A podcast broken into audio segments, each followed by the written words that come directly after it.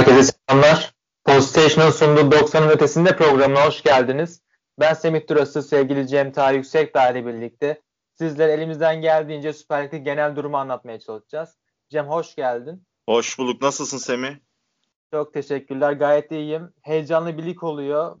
Beklentileri her hafta aşan değişik bir maçlar görüyoruz.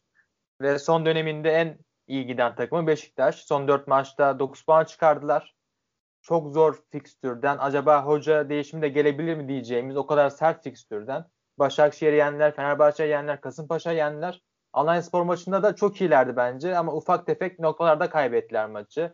Yani eğer e, o Utku'nun hatası olmasaydı, penaltı yaptırılmasaydı çok basit hatalardı bunlar ve e, karşı karşıya pozisyonda da gol atabilselerdi Gezal'ın pozisyonunda örneğin alabilirlerdi puanı ya da puanları. Bence gayet iyi bir dört maçlık fikstür çıkartıldı. Sence e, nasıl gidiyor şu anda Beşiktaş?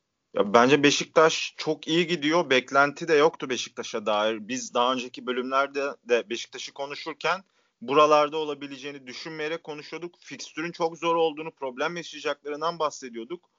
Bizi ya yani herkesi yanılttı. Beşiktaş taraftarlarını bile yanılttı diyebiliriz herhalde Beşiktaş için.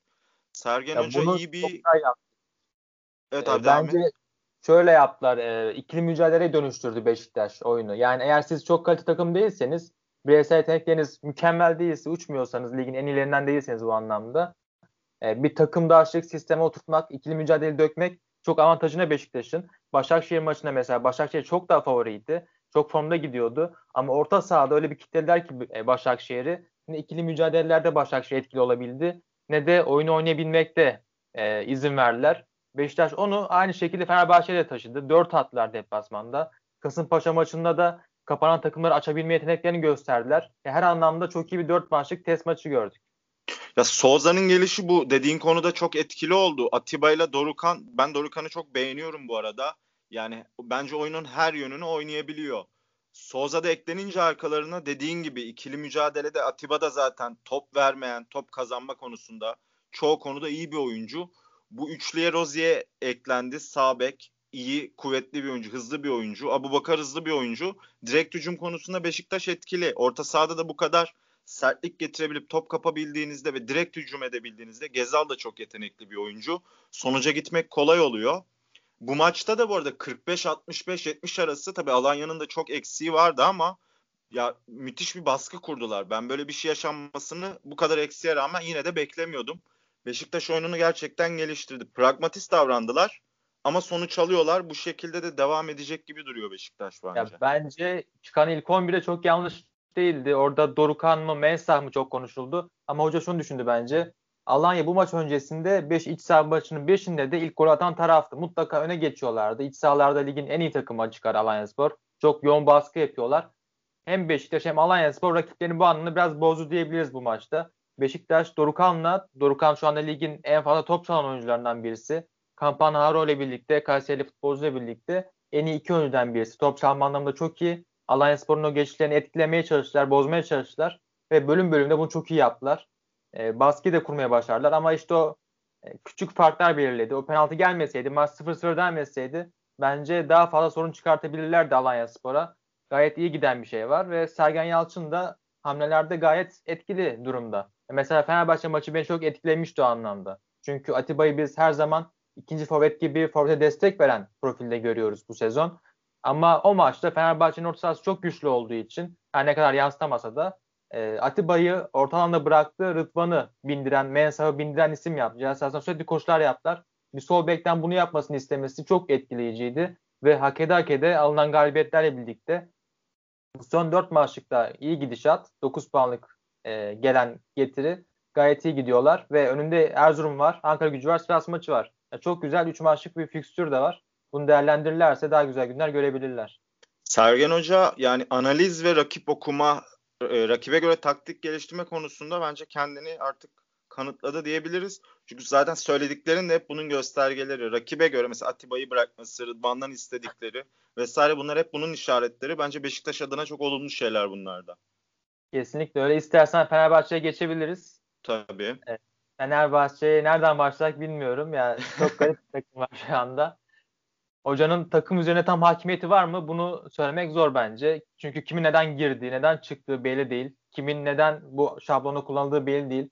Şu anda Visca ile birlikte ligin en fazla gol e, pası veren oyuncusu, e, en fazla gol pası e, verebilecek paslar atan oyuncusu Caner Erkin bir anda kesiliyor. Neden kesildiği belli değil. Bir anda tekrar oyuna giriyor. Mesela e, Beşiktaş maçıydı sanıyorum. Caner ilk 11 başlamadı. Novak'la başlamışlardı sanıyorum. E, ama ilk sakatlıkta Perotti sakatlanmıştı. Hemen Caner oynatıldı. Yani kendini de yalanlayan bir sistem var şu anda Fenerbahçe'de.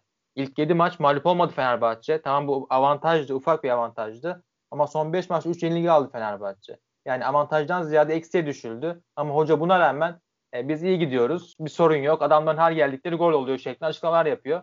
E, tam bir taraftar açıklamaları bunlar. Yorumcular bile bu kadar kötü açıklamalar yapmaz. Erol Bulut'un problemleri görmemesi çok garip geliyor bana. Ya ben söylediklerine katılıyorum. Bir de şöyle bir şey var. Hoca kendinden de emin değil gibi. Mesela Caner'le başlamadığınız takdirde Beşiktaş maçından bahsediyorum. İlk tercihinizin de oyuna girme konusunda Caner olması yani hoca kendini de sorguluyor büyük ihtimalle. Caner'i koymadım. Caner bize önceki haftalarda çok katkı verdi. Oyuna mı alsam bir problem görüyor oyuna alıyor. Bu maçtaki değişiklikler çok ilginçti. Novak'ın girmesi, sonra Sinan Gümüş'ün girmesi. Sinan yani geridesiniz. Sinan Gümüş ileriye dönük bir oyuncu. En azından pozisyon yaratabilir, gol atabilir. Ya rakibin ceza sahasında karışıklık yaratabilir. Bunların hepsine ihtiyacınız var.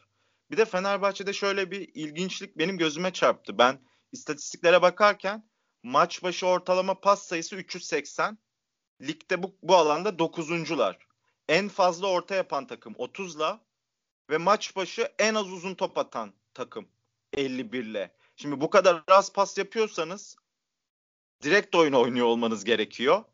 Ama uzun topunuz evet onu da oynayamıyorsunuz. Uzun topunuz çok az. Direkt oyun oynasanız zaten uzun topunuz fazla olur. Orta sayınız 30. Bu da yani çok ilginç ki son iki haftada aslında bunu görmedik. Orta sayıları azaldı. Fenerbahçe ne olduğu belli değil. Kısaca ya özetlemek gerekirse. Bu kadar fazla ortaya yönelmek e, şundan kaynaklanıyor. Topu bir an önce 3. bölgeye gönderelim ama asla bir sistemden değil bir an önce gönderelim de gitsin gibi bir mantık var. Top bir an önce oraya gitsin ne olursa olsun mantığı var. Bu yüzden de çok fazla Caner'e eleştiri geliyor. Ben bunun biraz Caner'in kurban olduğunu düşünüyorum bunda. Çünkü bir sistem yoksa ve Caner de elinden geleni yapmaya çalışıyorsa en fazla o da o çekiyor. Eğer bu sistemi siz yaratamıyorsanız e, ihale Caner'e kalıyor diyebiliriz. Bundan biraz can yanıyor Fenerbahçe'nin Caner konusunda. E, hala takımda pres yapmakta sorun yaşayan bir takım var. Topu geri kazanma süresi çok uzun. Ligin en kötülerinden birisi Fenerbahçe bu anlamda. Topu kaybediyorlar ama gene nasıl kazanacaklarını bilmiyorlar. Şey çok çarpıcıydı. Hatay maçında e, bir dakikadan fazla 3 3 kez pas yapmıştı Hatay Spor. Ama kalenize getirmiyordunuz. Bu güzeldi. Hadi madem yapamıyorsunuz, topu geri alamıyorsunuz, kalenize getirtmiyordunuz. Kabul edilebilir, düzelir derdikilerde. Ama yeni Malatya maçında e, yediğiniz gollerde rakip 30 saniyeden fazla iki kere falan sanıyorum pas yapmıyor. Çok uzun paslar yaptıktan sonra gol atmışlar. Denizli maçında da aynı sorunlar görmüştük biraz. Yani artık bu sorun daha da büyüdü. Gol yemiyordunuz artık gol de görüyorsunuz. Topukları da kazanamıyorsunuz. E, bu kadar fazla kaliteli oyuncuya rağmen e, topu yerden zeminden hücuma taşımak yerine sürekli şişiriyorsunuz. Hava topunda şu anda mücadelelerinde Fenerbahçe en kötü ikinci takım durumunda. Hava toplarına çok kötüler. Ama hem Altay hem de savunma attı hücum tercihlerini havadan yapıyor. E, bunun hiçbir izah mantığı yok. Merkezden hücum yapamıyorsunuz. Pelkas gibi bir adam var. Onu kendi mevkisinde oynatmıyorsunuz. Ona rağmen çok iyi oynuyor ama her e, problem giden maçta hemen onu kenara alıyorsunuz. Ya Sosa'ya gelirsek de Sosa ne olursa olsun bu takımın en orta sahadaki kreatif oyuncusu merkezdeki. Kesinlikle. Çok kaliteli. Onu siz kötü oynuyor diye 45 dakikada çıkartıyorsunuz. Trabzon maçı vardı. Ardından sanıyorum Denizli maçıydı. Bir maçta 45 dakika oynattı. Yeni Malatya maçında ilk 11 almadı. E, sosyal sizin kazanmanız lazım ama bunun yerine 45 dakikadan değerlendiriyorsunuz böyle yetenekleri. Hiçbir şekilde iyi gitmeyen işler var Fenerbahçe'de ve bu da kısa vadede nasıl çözecek bilmiyorum. Çünkü Gaziantep var, Başakşehir var. En zor iki maç geliyor son dönemlerdeki. Bu iki maçta daha büyük kaos çıkabilir Fenerbahçe'de. Ya bu Malatya'nın gollerinden bahsederken biz bir ay önce yine bütün takımları konuşurken ben Malatya'nın istatistiklerini incelerken açık oyundan en az gol atan takım olduğunu görmüştüm. Tam bir ay önce. Yani bunu en az yapabilen, bu alanda en kötü takımdan bu şekilde goller yemeyin gerçekten hiçbir izahı yok. Ki yani o ilk 11'e baktığımızda da ben maçı izlerken ya yerleşim anlamında büyük problem var. Ozan çizgiye deplese oluyor. Mert Hakan forvete yaklaşıyor. Gustavo da orta sahanın gerisine top alıyor. Yani bu ne demek? Merkezde forvetle orta saha arasında neredeyse 25-30 metrelik bomboş bir alan var ve orayı tamamen rakibe teslim etmişsiniz. Top sürekli kanatlara gidiyor. Caner kötü, Gökhan kötü. Hiçbir şey üretemiyorsunuz. Yani bunun bu arada geçen hafta da böyleydi bu. Bu maça özel değil. Ek olarak Tisserand ve Sadık'la oynuyorsunuz. Ya Tete gerçekten bir yabancı birini getirip izletsek şu maç özelinde e, yani gerçekten her atılan havadan atılan her topu indirdi. Şimdi hem önde oynamaya çalışıyorsunuz hem de ilk topları karşılayamıyorsunuz. Defans hattı geriye çekiliyor. Orta sahayla savunma hattının arasına rakip giriyor. Kontra yiyorsunuz ya da dönen toplarda sıkıntı yaşıyorsunuz. Yani ben gerçekten neyin iyi yapılabildiğine dair hiçbir fikrim yok ve hiçbir şey de iyi yapılamıyor gibi. Her şeyi az az yapmaya çalışıyor. Çok şurada şunu da uzatayım ekleyeceğim uzatmış olacağım ama ilk ilk ilk 10 dakikaydı sanırım. Ön alanda basmaya çalışarak başlamıştı Fenerbahçe. Malat, e, Malatya sol bekinden oyunu kurmaya çalışıyordu. Fenerbahçe oraya kümelendi. Orada baskı yapmaya çalışırken şimdi sağ kendi sağınızdan pres uygulamaya çalışıyorsunuz. Rakibin sol bek ile sağ bek bağlantısını kesemezseniz top tam terse dönerse bittiniz demek. Çünkü çok büyük bir boşluk oluyor takım sağa yıkıldığı için. Bunu bile engelleyemedi Fenerbahçe. Çok temel bir prensip yani bu. Hani hiçbir şey yapamıyorlar gerçekten. Aynen öyle. Ee, şey de çok acıydı. 2-0 öne geçti Yeni Malatya Spor. Dakika 22 falandı. Ee, biraz kendini geri aldılar. Konumlanmalarını biraz geriye çektiler. Yani eğer maç 0-0 olsaydı e, aynı şekilde önde basmaya devam edeceklerdi. Rahatlıkla topu alabiliyorlardı çünkü. Bu geriye geliş biraz konumlandırmayı geriye çekme Fenerbahçe'nin topu almasını sağladı. Yani Fenerbahçe masa yumruğunu vurup 22'den 45'e kadar o baskı yapamadı zaten. Kendi yapmadı bunu. Yeni Malatya Spor izin verdi ki bu daha da büyük felaket. 3-0'dan sonra tamamen bitmiş bir takım var. Yani tamam siz e, sistemsel sorunlar yaşayabilirsiniz ama mücadelenizi kaybederseniz elde hiçbir şey kalmıyor. 3-0'dan sonra buna da e, çok kötü olmak, rakibe topu bırakmak neredeyse, maçta hiç bağlantınızın kalmaması, bitsin de gidelim anlayışının olması ve çok uzun zamandır bunun olması. Konya maçında böyle olmuştu. E, Deniz Spor maçında ikinci yarı felaket. Bir kişi eksiksiniz ama bu kadar fazla topu veremezsiniz. Yani Deniz Spor bile gözünüzde sanki ligin en iyi takımı gibi gözüküyor. Beşiktaş maçında 10 kişiye e, karşı 11 kişi oynadınız bir süre uzun süre. Bunu da hiç hissettiremediniz. Ya bu takımda hiçbir şekilde ne maçı isteyen oyuncu grubu göre, e, görebiliyoruz ne de mücadelede kendini öne çıkaran bir isim görebiliyoruz. Pek parlak gözükmüyorlar bu anlamda da. Ben söylediklerin hepsine katılıyorum. Erol Bulut için çok iyi görünmüyor tablo. Buradan eğer ayağa kaldırabilirse kendi kariyeri adına çok büyük bir adım atmış olacak. Ama yapamazsa da tam tersine çok kötü olacak. Fenerbahçe'yi bu arada sabaha kadar eleştirebiliriz. Trabzon'a geçelim istiyorsan. Evet uzattık biraz. Ee, gerçekten de çok uzun süre konuşabilecek bir takım Fenerbahçe. Trabzonspor'a geçersek de e, ilk iki hafta Avcı ile birlikte, Abdullah Hoca ile birlikte e, hocanın biraz daha savunma yöneldiğini söylüyorduk biz. Önemli olan ilk e, hocanın değindiği noktalar savunmayı kurtaralım. Çünkü biz geçen sezon 34 maçı 29'da gol gördük mantığı vardı. Onu toparlayalım demişlerdi. Bence çok kötü bir fikir değildi bu. Ama o savunmayı toparlamaya çalışırken hücumdan da tamamen koptu Trabzonspor. Ve son maçlarında da savunması alarm veren bir takım var. Tamam belki e, Kayseri'den gol yemediler ama Kayseri Spor bu sezon rekor kırdı ilk kez. İlk kez bu kadar fazla gol fırsatı yaratan pas attılar. Trabzonspor inanılmaz açıklar verdi. Pereira özellikle berbat durumdaydı. Savunma çizgisi çok dağınıktı.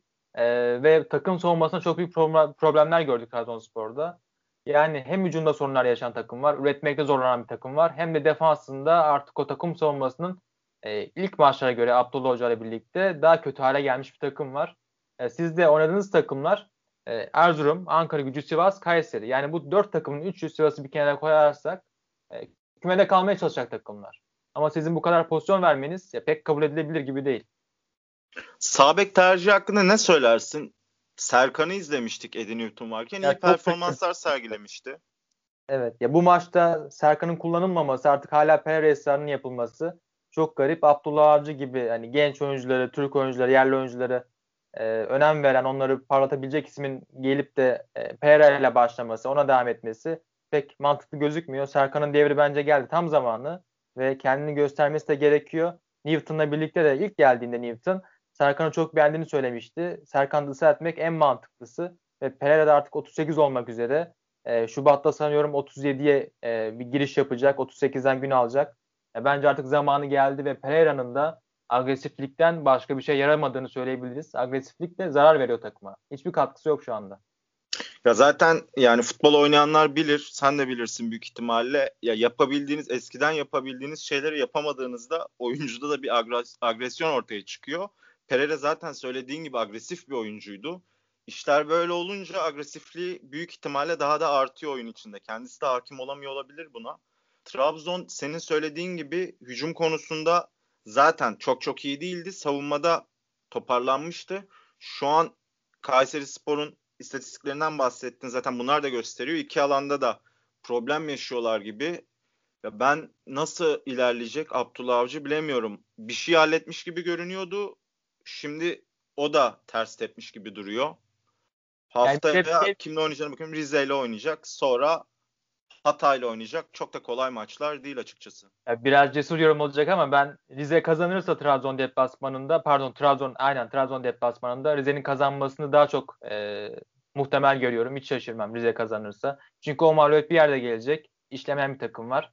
Yani mesela biz ilk hafta şey diyorduk. Tamam takım çok pozisyon veriyor. E, ama savunmayı halletmeye çalışıyorlar. 1-0 kazandılar. E, belki çizgiden toplar çıkartıldı ama sabır etmek gerekiyor. Zaman vermek gerekiyor. Ama onu da sanıyorum pek e, göremeyeceğiz gibi. Çok problemli bir camia çünkü Trabzonspor camiası. Asla sabretmek istemeyen bir camia. Hani iki ay daha böyle idare edebilirler mi? Bence biraz zor. Yakın, zor. E, yakında o şeyler başlar gibi gözüküyor. Kavgalar, tartışmalar. İstersen Bana da öyle geliyor. Bu arada ee, Trabzon, bak- Başakşehir'e evet. geçmeden Trabzon Abdullah Avcı ilk geldiği haftalarda topu da daha iyi kullanıyordu. Öyle bir problem de var şu an. Yani topu da eskisi gibi kullanamıyor. Sallantıdalar şu anda. Bakalım neler olacak. Ya bir de son ekleme yapayım. Ekuban'ın da forvette kullanmak bence hatalı bir karardı. Bundan dönmesini bekliyorum ben. Onun ikinci forvet olarak oynaması çok daha iyi. O final paslarını atan insan olması çok daha etkili olacaktı Trabzon'da. Ee, tek forvet oynaması pek olumlu yansımıyor takıma. Bence bu maç onu da görmüştür Kayseri'ye karşı. Ya büyük ihtimalle Baker Ekuban bağlantısı yaratıcılık anlamında çok şey katar Trabzon'a gerçekten. Aynen öyle. Ya Başakşehir'e geçelim. Buradan e, Başakşehir'de şu anda biraz sallantılı bir süreç yaşanıyor. İlk dört maçını kazanamamıştı Başakşehir.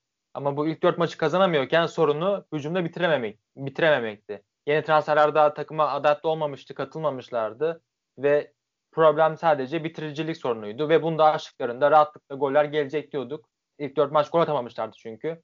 Trabzon maçını biz patlama maç olarak bekliyorduk. Arda ardına dört galibiyet geldi zaten o maçtan sonra. Ama son dört maçta da kazanamayan bir Başakşehir var. Yani burada altı maçlarda gol gören bir takım var. Ve şunu da vurgulamıştık. Savunması çok problemli Başakşehir'in. Savunmada bu kadar ağırlaştığı için, takım savunmasının çok ağırlaştığı için ve merkez ikili tandemin de stoper bölgesinde de sürekli yeni çözümler aramaya çalışıyor Okan Buruk. Herkesi denedi. En son maça Pong ve Topal'la çıktılar. Sürekli deneme içindeler. Ama o savunma problemi çözülemeyince başarının gelmesi zor gözüküyor. Mutlaka bir çözüm gerekiyor. Çözüm sanırım yani stoperler anlamında en azından transfer. Bence sol bekte de eksikler. Şampiyonlar Ligi oynamak da böyle bir kadroyla yani dar bir kadroyla ve yaşı fazla bir kadroyla Başakşehir'i bence çok kötü etkiledi. Şampiyonlar Ligi'nde iyi performans sergiledi, sergilediler. Belki diyebiliriz. Dönem dönem iyi oynadıkları oldu. bence başarıdır 3 puan.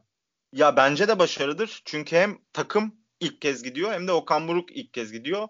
Ki Şampiyonlar Ligi ile Türkiye Ligi'nin seviyesi çok bambaşka seviyeler ki yani denk geldiği grup da pek iç açıcı değildi Başakşehir'in. Bence kötü değillerdi kesinlikle. Bundan sonrası çok önemli olacak onlar için. Artık çünkü odaklanacakları yer e, Süper Lig olacak. Bu savunma problemlerini çözebildikleri takdirde, takım savunmasının gelişmesi takdirde geliştiğinde daha iyi olabilirler. Ve girdikleri pozisyonlarda bir sıkıntı yok. Gol de atıyorlar rahatlıkla. Gaziantep'e karşı mağlup oldular bu hafta ama çok net fırsatlar da yakaladıklarını söyleyebiliriz. Ama işte e, o pozisyonları vermeleri en büyük problem oluyor onlar adına. Yani Mert Günok'ta ne kadar kurtarırsa kurtarsın e, o galibiyet bir türlü gelmiyor. Dört maç oldu üst üste. Kazanamama serisi. İstersen Alanya Spor'a geçebiliriz burada. Tabii. Alanya Spor da benim e, şöyle bir beklentim vardı. Merak ettiğim daha doğrusu. Sivas Spor geçen sezon o zirve yarışında bulunduğu dönemde 12 maç üst üste kaybetmemişti. Alanya Spor da inanılmaz bir e, 10 hafta geçirdi. Yani 9 maç oynadı diyebiliriz. Bir maçı ertelendiği için. Ve kaybetmemişlerdi. İlk mağlubiyet sonrası nasıl bir reaksiyon bekliyorduk? Onları ben merak ediyordum. Gençler Birliği'ne kaybettiler. Göztepe'ye kaybettiler. iki hafta üstte kaybettiler. Son olarak ama baş, e, Beşiktaş'ı yenmeyi başardılar. Ve bu kadar eksikleri varken Mubaji olsun, Efecan olsun, Salih olsun bu isimler yokken çok iyi performans diyebiliriz. Beşiktaş konuşurken biraz konuştuk aslında. Ee, ne yapmalı gerektiğini bilen bir Alanya vardı. Gayet iyi oynadılar. 11 maçta 2 yenilgi gayet iyi. Rotasyon biraz zayıf ama e, bunun sıkıntısını aşınca devre arası belki katkıda gelir e, yönetimden. Gayet iyi giden bir takım var şu anda. Ya söylediklerine katılıyorum. Alanya için teknik direktör takımı diyebiliriz. Teknik direktör takımı olduğunuzda da yani bir sistemle oynadığınızda eksikler tabii ki çok büyük e, dezavantajlar yaratabiliyor ama işte bir şekilde yine sonuç alabiliyorsunuz. Bence bunu gördük ki eksikler bence önemli eksiklerdi. Özellikle Salih'in eksikliği. Çünkü Salih'in pas kalitesi yüksek. O yani o noktada oyunu kurarlarken, geriden çıkarlarken ya da presi kırmaya çalışırlarken problem yaşadılar ki Beşiktaş'ta konuşurken söylemiştik. Orta sahada baskıyı iyi uyguluyor üçlüsüyle. Abu, Abu Bakar'ın da dahil olmasıyla. Yani bence Alanya çok iyi bir galibiyete imza attı. Şey konusunda da haklısın bu arada. Yani Alanya Spor ne kadar teknik direktör takımı olsa da sistemi olsa da bu tür takımlar motivasyonla oynuyorlar bir yandan da ve mağlubiyetler geldikten sonra dağılmalar yaşanabiliyor. Geçen sene gördük söylediğin gibi Sivas konusunda. Şu anda Alanya'da öyle bir görüntü yok gibi geliyor bana en azından. Eksikler de gelecek. Bence yine olumlu konuşuyorum. Ben, ben olumlu şeyler söylüyorum. Alanya hakkında ileriye dönük anlamda da yani. 5 ee, maçlık zor bir fikstür var diyebiliriz aslında. Yani e, Denizli Spor'u bir kenara koyarsak çok problemli takım. Yeni Malatya ile Gaziantep ile Başakşehir ve Fenerbahçe ile oynayacaklar. Bu maçlar çok zevkli ve biraz belirleyici geçecek. Tam daha devre arası dönemine denk gelecek bu maçlar çünkü. İlk yarının sonlarına doğru olacağı için biraz daha bize ışık verecektir Alanya Spor. E, bu seriyi sürdürebilecek mi anlamında. Ama çok daha gelişmiş, çok daha e, kuvvetli bir takım var geçtiğimiz sezona göre. Bunun da meyvelerini e, almaya başladık. Gayet iyi giden bir takım var. E, istersen Alanya Spor'dan Sivas Spor'a geçelim. Tabii. Spor'da büyük bir problem var. 7 maçları kazanamıyorlar. Galibiyet alamıyorlar. Ama sanıyorum çok mutlulardır artık. Avrupa Kupası maçları bitti. Biraz da lig odaklanabilecekler. Çok fazla sakatları, eksikleri vardı. Hatta yedek kulübesine e, oyuncuya koyamıyorlardı. O kadar fazla sorunları vardı. E, ve bu 7 maçta hocanın çok fazla bahanesi vardı sayabileceği. Biraz da artık sanıyorum lige odaklanıp eksikler de geldikten sonra daha dengeli, daha ne yaptığını bilen, daha fazla kazanabilecek bir ekip göreceğiz gibi gözüküyor. Ya gerçekten yani söylediğin eksikleri, problemleri Rıza Hoca'dan artık o kadar dinledik ki bütün herhalde bu basın toplantılarını izleyen herkes e, bu eksiklere tam anlamıyla hakimdir. Yani gerçekten artık futbola odaklanma vakti geldi ki UEFA'da problem yarattı Sivas için ama çok kötü performanslar da sergilemediler aslında.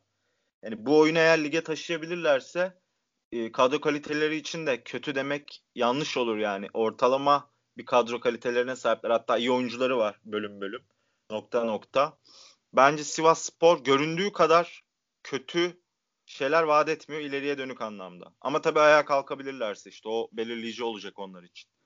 Ya bence zaten beklentiyi çok abartmamak lazım. Ya onların e, hedefi ligde bu sezon 7-10 bölümü, 7-12 bölümü gibi bir şey olsa daha mantıklıydı zaten. Tabii Ve öyledir herhalde zaten. Başaracaklardır muhtemelen. Yani büyük bir beklentiye gerek yok.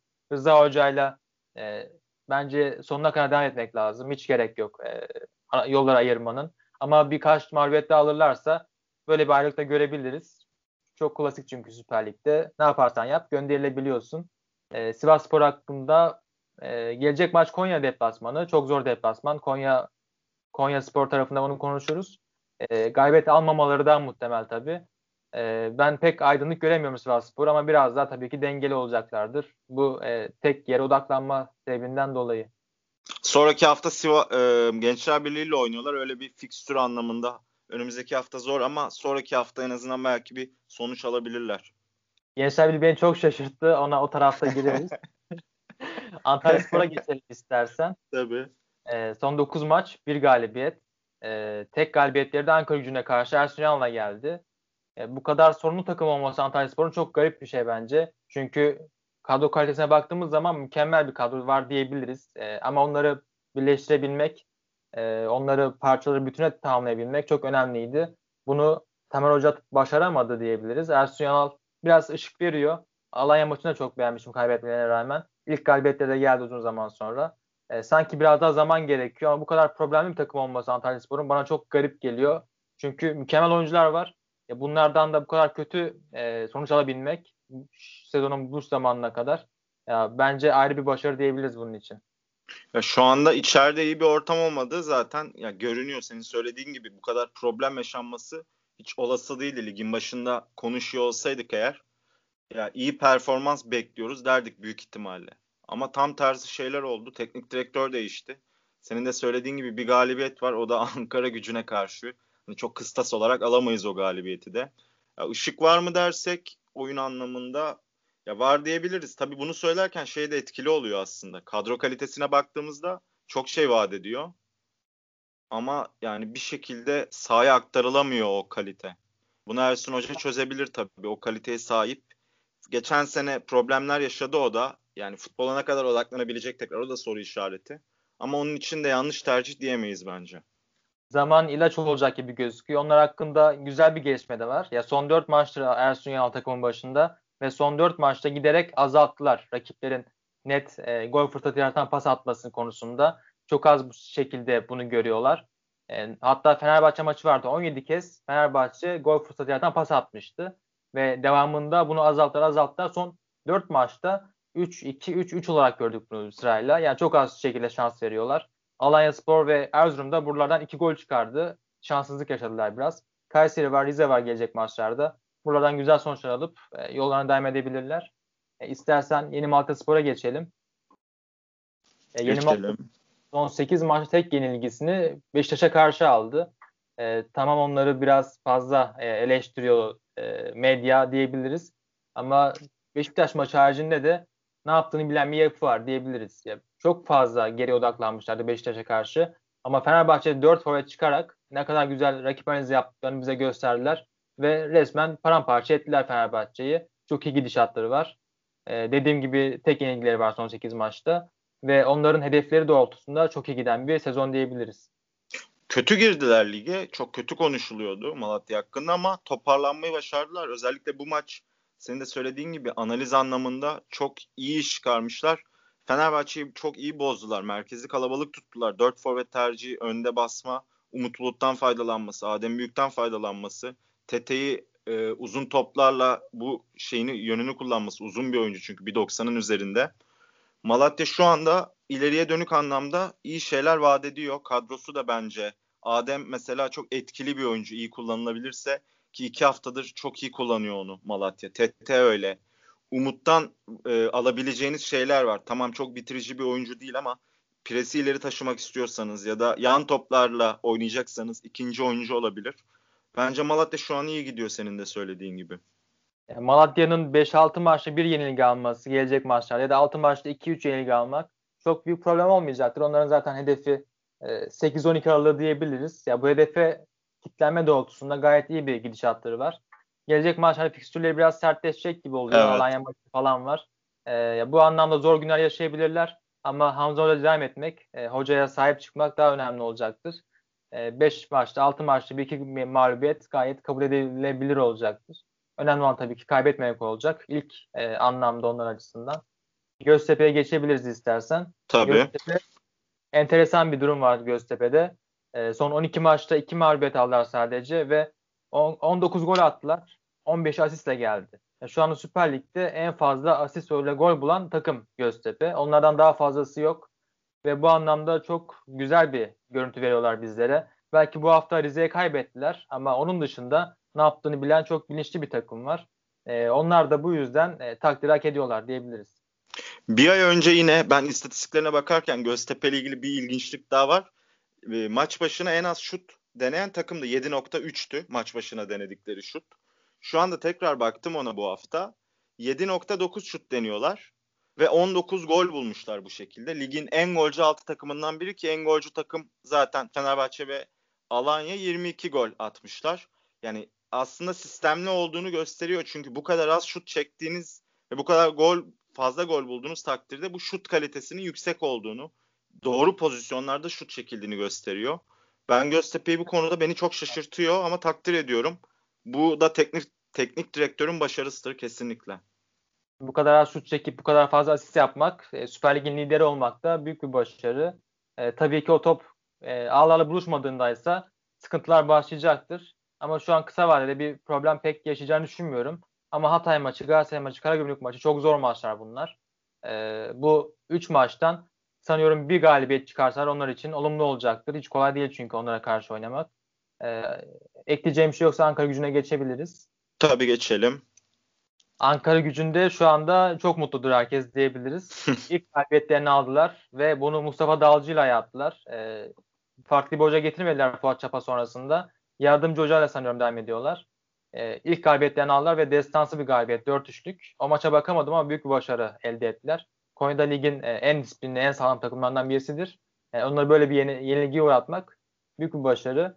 E, sanıyorum artık Mustafa Dağcı da bir kredi kazanmıştır. Çünkü son 3 maçında e, Konya maçını yendiler. Ondan önce Trabzon'a tek farkla kaybettiler. Antalya Spor'a tek farkla kaybettiler. E, sanki olumlu bir hava var takımda. Ya tabii çünkü bu kadar kötü gidişatın üzerine Konya galibiyetini büyük ihtimalle beklemiyordur taraftarlar da yönetimde. Kesinlikle hocaya kredi katacaktır. Ee, Ankara gücü en az isabetli pas yapan takım konumunda hala yüzde olarak. Yüzde 70'ti bir ay önce. Şu anda yüzde 74.1 ile isabetli pas yapıyorlar. Kalite problemi yani çok açık ve net. Ankara gücü ligde kalabilir mi desem sana? Ne dersin? Yani bence %90 düştüler diyebilirim. Bana da öyle geliyor. Bence kalite problemleri yok. Kalite diye bir şey yok diyebilirim ama çok iyi bir takım var. Gerçekten felaket bir takım var. Yine devre arasında operasyon yapılır mı? Geçen sezon yapılmıştı. Yani Gerson falan çok güzel etki vermişti. Öyle bir etki gerekiyor. Keşke Orgil kalsaydı diyorum. Ya çünkü Orgil çok önemli bir oyuncuydu. Ama tutabilmek kolay olmadı onu. Tutamadılar takımda. Ya mutlaka bir 2-3 transfer gerekiyor. Net 11'de olacak ve fark yaratacak isimler gerekiyor. İşleri hiç kolay değil ama savaşıyorlar. Bu çok güzel bir şey tabii ki. Yani bu ya e, bu kadar olumlu şey söyleyebiliriz ancak herhalde. Tabii, ancak Savaşıyorlar. bu çok iyi bir şey. Bu kadar. Ve Gençler Birliği'ne geçiyoruz. Çok garip bir şekilde Mustafa Kaplan e, hocalık performansını ortaya koyuyor. İki maç 6 puan aldı. Son Alanya Spor'u yendi, Erzurumspor'u yendi ve Fenerbahçe'ye 5-1 kaybettikten sonra ilk maçıydı bu. Herkes yerin dibine sokmuştu. Tıpkı bizim gibi. Kasımpaşa'yı kaybettiler ama son iki maçında 6 puan almayı başardılar. Sanki artık Gençler Birliği'ni çok daha hücumcu göreceğiz gibi gözüküyor. Ee, ve Mert Nobre varken çok hücum performansında düşük bir performans vardı. Yani Antalya'ya, Konya'ya, Denizli'ye ve Yeni Malatyaspor'a bir şut çekebilmişlerdi. Bir isabet şutları vardı sadece. Ve e, toplamda 5-6 şut çekebiliyorlardı. Ama son 4 maçta tamamında Fenerbahçe dahil buna 5 isabetli şut çektiler. Ya bu mükemmel bir şey ve çektikleri şutların sayısı da arttı artık. En az 10 şut çekiyorlar 4 maçtır. Ya sanki Mustafa Kaplan e, çok fazla saldıran, o üretemeyen takımı daha da hücumcu takım yapmaya çalışıyor gibi gözüküyor. Ya zaten bir galibiyeti vardı bundan önce Gençler evet. Birliği'nin. E, zaten hani bu bence çok büyük bir gösterge çünkü özgüveni kazanmak anlamında da çok önemli bu tür şeyler. Yani özellikle bir de alt sıralarda yer alıyordu Gençler Birliği. Kötü gidişin önüne geçebilmek gerçekten çok önemli. Bu bu gibi durumlarda hani oyuncular ya da takım genel olarak performansını zaten sergileyemiyor. Çünkü psikoloji devreye giriyor artık orada. Bence bundan sonra yukarıya doğru ivmelenebilirler. Ben fikstüre bakacağım şimdi kimle oynuyorlar diye. Gücü var, Sivas var, Kayseri. Çok güzel fikstür. Çok yani aynen öyle. Hani yukarıya doğru ivmelenmek için bence şu an şartlar uygun Gençler Birliği için. Ya önümüzdeki 5 maç Ankara Gücü, Sivas, Kayseri, Rize, Hatay. Burada 5'e 5 yapıp şampiyonla oynar mı? ya tabii de işte hani 5 maçta 2 galibiyet gayet memnun eder. 7 puan falan alabilirler gibi duruyor açıkçası hani. Evet, Çok, evet. Ya, 7 puan alamaz diyemeyiz mesela şu fikstüre bakıp şu anki Gençler Birliği'ne baktığımızda. Çünkü rakipler de buna uygun takımlar. Sivas, Kayseri. Rize ya her şey olabilir bu maçlarda ama 5 maçta 0 da çekebilirler. Öyle bir takım Gençler Birliği. Her evet. şey olabileceği bir takım. E, istersen Denizli Spor'a geçelim buradan. Tabii. Denizli Spor'da büyük sorunlar var. 6 maçın 5'ini kaybettiler. Kaybetmedikleri tek maçta mucize maç olan 3-3'lük Başakşehir maçı. Normalde onu kaybetmeleri gerekiyordu. Rahatlıkla 5-6 olabilirdi. Neler kaçır neler Başakşehir. Yani 6'da 0 çekebilirlerdi. Çok kötü bir gidişat var. Ve yeni açıklandı, dün açıklandı. Yalçın Koşukavak da göreve getirildi. Bu sevindirici bir olay. Ama bu kadar sorunlu bir takıma Yalçın getirip 2-3 maçta bir beklentiye girmek hiç mantıklı olmayacaktır. Bence en az bir 2 ay gerekiyor. Ama 2 ay sonra da bu takım ligde kalabilecek, e, motivasyonu yakalayabilecek mi? Çok büyük problem gibi. Ya şöyle bir şey söyleyeceğim önce. Arka arkaya Ankara gücü, Gençler Birliği ve Denizli'yi konuştuk. Çok ilginç oluyor bu üçlü arka arkaya. Bir daha koymayalım rica ediyorum. Çok içim karardı çünkü futbol anlamında. Ee, Yalçın Hoca iyi bir hoca. Denizli'den de bahsederken daha önce kadro kalitesinden bahsetmiştik. Denizli'de mesela Ankara gücüne göre daha ilginç bir problem var. İkisi de 6'şar puanda.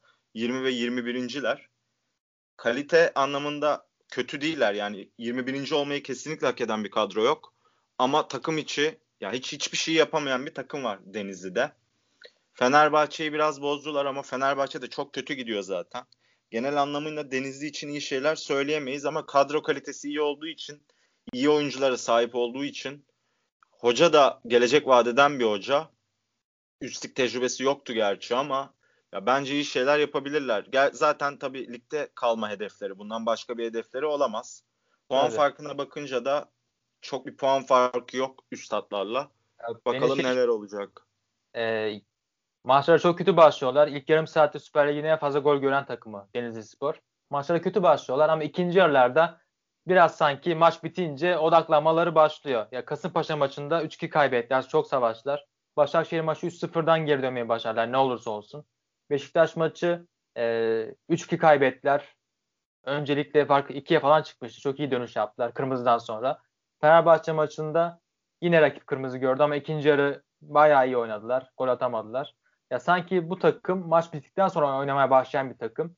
E, Yalçın Hoca bu takımı ilk yarılarda daha sağlam yapabilirse yani Kayseri'de olan dokunuş gibi Samet Hoca çok güzel bir dokunuş yaptı. Kayseri Spor'da konuşuruz.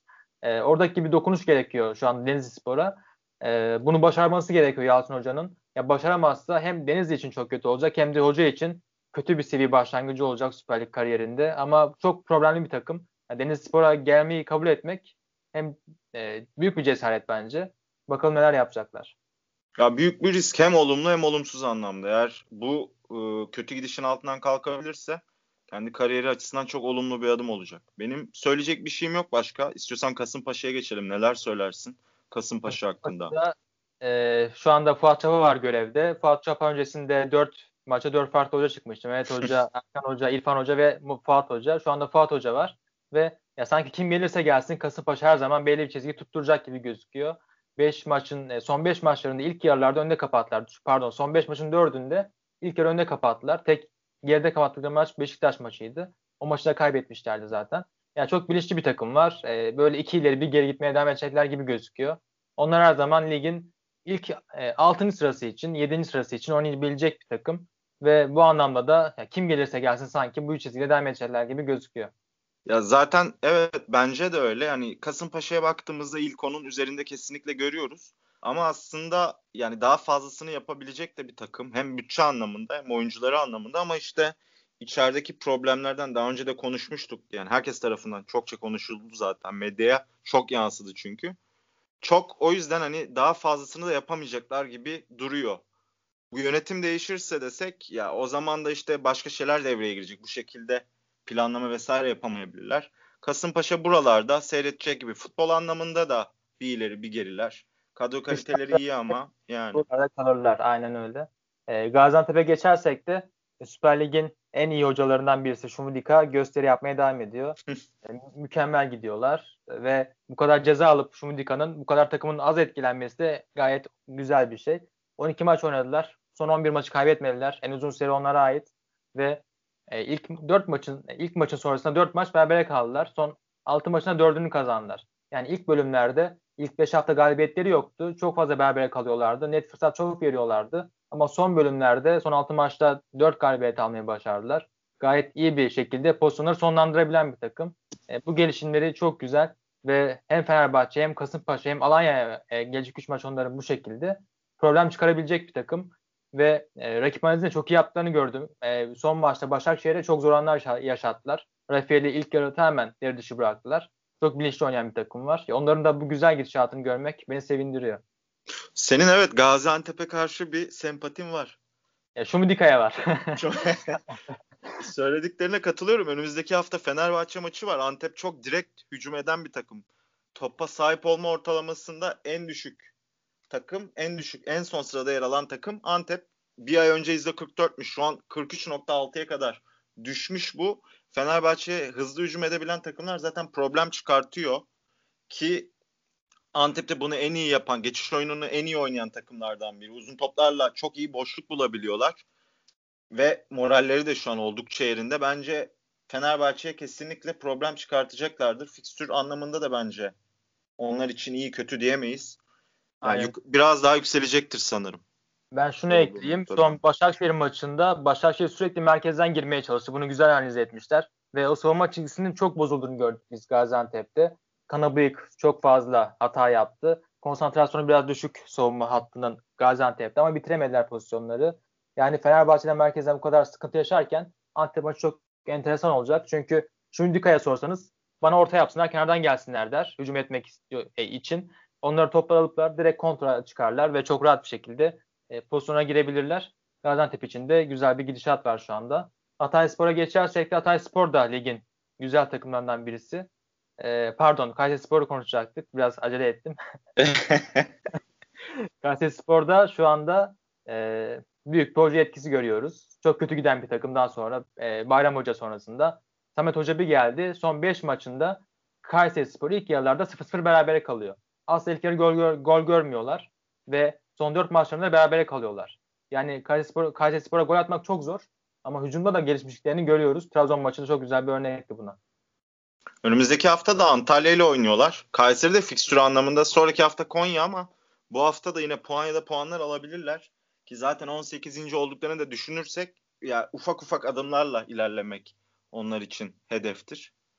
Ya Kayseri bakalım bence ligde kalma ışığı şu anda vermeye başladı. Evet yavaş yavaş başladılar. Ee, yani pek bizim formatın içerisinde değildir bu. Ama ben de bu hafta Kayseri Spor'dan bir galibiyet bekliyorum Antalya deplasmanında. diğer maçın sürpriz olarak Trabzon maçı olacak. Trabzon'un e, biraz puan kaybı yapmasını bekliyorum bu hafta. E, ve diğer maça geçersek de pardon diğer takıma geçersek de Karagümrük e, Karagümrük son maçını kaybetti ve ama buna rağmen son iki haftada onlarda çok güzel bir şey gördüm ben. Şu anda kendi performanslarında e, hem ikili mücadelede rekor kırdılar hem de top çalmada rekor kırdılar. Son iki performanslarım iki maçta çok iyi durumdalar. Fizik güçleri de yükselmiş durumda. Bunu da gördük. Çok daha fazla mücadele eden bir takım var. Çok iyi e, kendini gösteren bir takım var. Onların da hedefleri 8-14 aralığı olduğu için gayet güzel bir gidişat var diyebiliriz. Ve bu anlamda da hedef maçlarını kazanmaya devam ediyor. Ya iyi bir kadroları var zaten. Ama e, Hatay'ı bundan sonra konuşalım bu arada. E, Hatay çok güzel bozdu çünkü Karagümrük bu maçta bocaladı diyebiliriz. Çomak soktu çünkü Antalya. E, senin de söylediğin gibi şu anda dokuzuncular ortalama ve ligdeki de ilk yılları ne kadar iyi bir kadroları olursa, evet. tecrübeli kadroları olursa olsun bu yine de hani çok kolay bir şey değil. Bence çok iyi performans sergiliyorlar. Bu şartları göze alacak olursak 17 puanları var çünkü gayet iyi. Birinci zaten 26 puana sahip. Hatay'a geçersek de yani şu çok güzel bence. Bir takımınız varsa orta, orta ölçek bir takımsa e, isteyeceğiniz şey pozisyonları hazırlayıp bitiriş anında en iyi bitiricinizin ayağınıza topun gelmesi yani forvetinizin şutu atması ve bu bu şekilde atakları tamamlamaktır. Bu e, orta ölçek takım için Hatay için mesela ve son bu maçlarda 9 maçın 8'inde e, en fazla şut çeken oyuncular Hatay'da Diouf ya da Barbosa oldu. En fazla Diouf çekti. Ardından Barbosa geldi. Yani atakları nasıl bitireceğini bilen bir Hatay var. Ne yapması gerektiğini bilen bir Hatay var. Ve hücumda da bitiricilik anlamında işlerini iyi yapıyorlar. Ya Hatay Spor mesela ligin başına çok iyi alan kapatan bir takımdı. Çok problem çıkartıyorlardı. Şu anda da yani rakip analizi anlamında da bence Hatay iyi bir takım. Bu anlamda teknik direktör yani yönetim anlamında da başarılılar. Onların da ligdeki ilk senesi şimdi bu bu tür şeyler gerçekten zor yani. Hatay çünkü şu anda 8. Onlar da Karagümrük'le bence ligin iki sürpriziler yani. Gerçi Karagümrük tabii kadrosundan dolayı bekleniyordu biraz ama bence Hatay Spor'un yaptığı gerçekten büyük, Çok büyük bir şey. Kesinlikle hem, abi. Şunu ekleyeyim. E, Hatay'da Ömer Erdoğan var. İlk tecrübesi Süper Lig'de. Evet. E, diğer tarafta da Şenol Can var. Onun ilk tecrübesi. Yani hem takımlar yeni hem hocalar yeni. Ama buna rağmen mükemmel bir hikaye yazıyorlar. Kesinlikle ve yani hani bu yapıyı yakalamışken üzerine koyabilirlerse ligde kalıcı olmanın ötesinde ilk onun da sürekli üzerinde yer almayı başarabilirler. Aynen öyle. Erzurum'a geçebiliriz istersen. Tabii. Ee, Erzurumspor'da şu anda Hüseyin Hoca görevde. Ee, Hüseyin Hoca taktiksel dehasını konuşturmaya çalışıyor. 3 maça çıktı Hüseyin Hoca ve bu 3 maçta da farklı anlayışlar yapmaya çalıştı. Ee, Konya'ya karşı dörtlü at koydu ortaya. Hatay maçında 3-5 gibi bir hat koydu. Yani 3 defans önüne 5'li bir sistem koydu. Orta sahayı kalabalık tutmaya çalıştı. Gençler Birliği'ne karşıysa 3-4-3 gibi oynamaya çalıştı. E, Hüseyin Hoca elinden geleni yapmaya çalışıyor taktiksel olarak ama gol atamayan bir takım var ve gol atmaktan da ziyade e, hem şanssız hem de ne yapması gerektiğini pek bilmeyen bir takım var. Son 9 maçtır kazanamıyorlar. E, yanlış e, bilgi değilse başkanları sanıyorum e, görevi bırakacak Erzurumspor'da. E, ya sanıyorum Hüseyin Çimşir için e, pek parlak gitmeyecek bu hikaye ama hangimize sorarlarsa sorsalar da eğer e, Hüseyin Hoca gelmeden Hüseyin Çimşir bu takıma nasıl olur deselerdi bence hiç gelmese daha iyi olur diyebilirdik. ya Erzurum çok e, dağınık bir takım. Senin de söylediğin gibi zaten çok fazla arayış içinde olmaları da ne yapacaklarını bilmediklerini gösteriyor biraz artık. Çünkü bu kadar kötü gidişin üstüne herkes kendini sorgulamaya başlayıp neyi yanlış yapıyoruz, neyi değiştirsek psikolojisiyle hareket ediyor. Bu kadar değişiklik de yani çok iyi bir kadronuz yoksa çok mantıklı bir şey değil. Ya aşağıya doğru gidiyorlar. Zaten 19. sıradalar. Futbol anlamında da bir şey vaat etmiyorlar. Onlar da düşmenin herhalde en büyük adaylarından biri yani. Üç, üçlü olarak sayabiliriz herhalde. Denizli, Ankara gücü ve Erzurum. Ya ben onları şey e, Hüseyin Hoca gelmeden önce belki der diyordum ligde kalabilirler. O umutları veriyorlar hani diyordum. Ama Hüseyin Hoca geldikten sonra tamam diyorum bu takım gitti. Ya biraz şey e, tabii ki saygısızlık değil bu. Tamamen gelecek öngörüsü diyebiliriz. Hüseyin Çiftçi'de ben başarı olmalarını hiç beklemiyorum. Ee, belki de Beşiktaş maçından sonra bir de Denizli mağlubiyeti gelirse hoca da gönderebilirler. Çünkü pek umut vermiyorlar. Ee, bu anlamda onlar hakkında olumlu konuşmak pek mümkün gözükmüyor. Rize Spor'a geçersek de e, Rize Spor'da şu anda Thomas Hoca görevine devam ediyor. Çok fazla yerden yere vuruyorlar Rize Spor'u. Ama hoca istediklerini, istediklerini alabiliyor. Skorlarda bir sıkıntı yaşamıyor. Galatasaray ve Karagümrük'e kaybettiler ama onun ardından galibiyet geldi bu hafta Göztepe gibi zor bir takıma karşı. E, büyük bir problem yok Rize Spor'da ve hedefleri tutturacak gibi gözüküyorlar. E, Trabzonspor'a karşı da bu hafta iyi işler yapabilirler. Onlar ne hakkında bence çok e, fazla olumsuz bir şey yok ama tabii ki Galatasaray'a karşı hücum performansları felaketti. Ya evet Galatasaray maçında bunu söylemek yanlış olmaz ama genel anlamda senin söylediklerine katılıyorum ben. Rize zaten buralarda olan, buralarda seyreden bir takım. Hatta daha aşağılarda yer aldığını da gördük sezonlar içerisinde. Bence şu anda iyi performans sergiliyorlar diyebiliriz. 15 puanları var. Fikstür anlamında da şu anda haftayı Trabzon'la oynayacaklar. Sonraki hafta Antalya ile oynayacaklar. Bence yukarılara da çıkabilir. Ya yani iki galibiyet sürpriz olmaz bence Rize Spor için. Ya bazı takımlarda konuştuğumuz gibi sanki 5 maçta 2 mağlubiyet ya da 2 galibiyet ana hedef olacak gibi bu takımlar için e, ya üst üste 6 ve 7 maç kazanamıyorsanız tamam büyük problem vardır. Ama siz beraberlikler alıyorsanız, galibiyetler alıyorsanız zaten hedefe ulaşıyorsunuz demektir. E, Rize Spor'da ligde kalmayı hedefleyen bir takım. Daha fazlasını vaat eden bir takım bence değil. Ve değil. bu yolda gitmeye devam ediyorlar. E, onlar için de bir sorun gözükmüyor şu anda kısa vade için. E, Katılıyorum söylediklerine. Tabii geçelim. Son takımımız Konyaspor. Konyaspor özel bir yer ayırdık. Çünkü onları çok seviyoruz. Ee, İsmail Kartal takımı demiştik onlar için tam bir ve onu da yansıtıyorlar. Ya belki bu hafta büyük bir mağlubiyet alır Ankara gücünden ama ne yaptığını bilen bir takım var. Ee, çok iyi direnen bir takım var. Ve dördüncü mağlubiyetleri oldu bu sezon. Hepsini tek farkla aldılar. Maçın hep içinde kalıyorlar. Ya, mağlubiyeti övmek kötü bir şey tabii ki. Övecek bir şey yok ama kaybederken de maçta hep kalan bir takım var. Ankara gücü öncesinde de Alanya oynamıştı. E, Alanya ile oynamışlardı. Ve ne yaptığını çok iyi bilen bir takım vardı. Alanya'ya çok zor anlar yaşatmışlardı. Ardından Erzurum'u yendiler.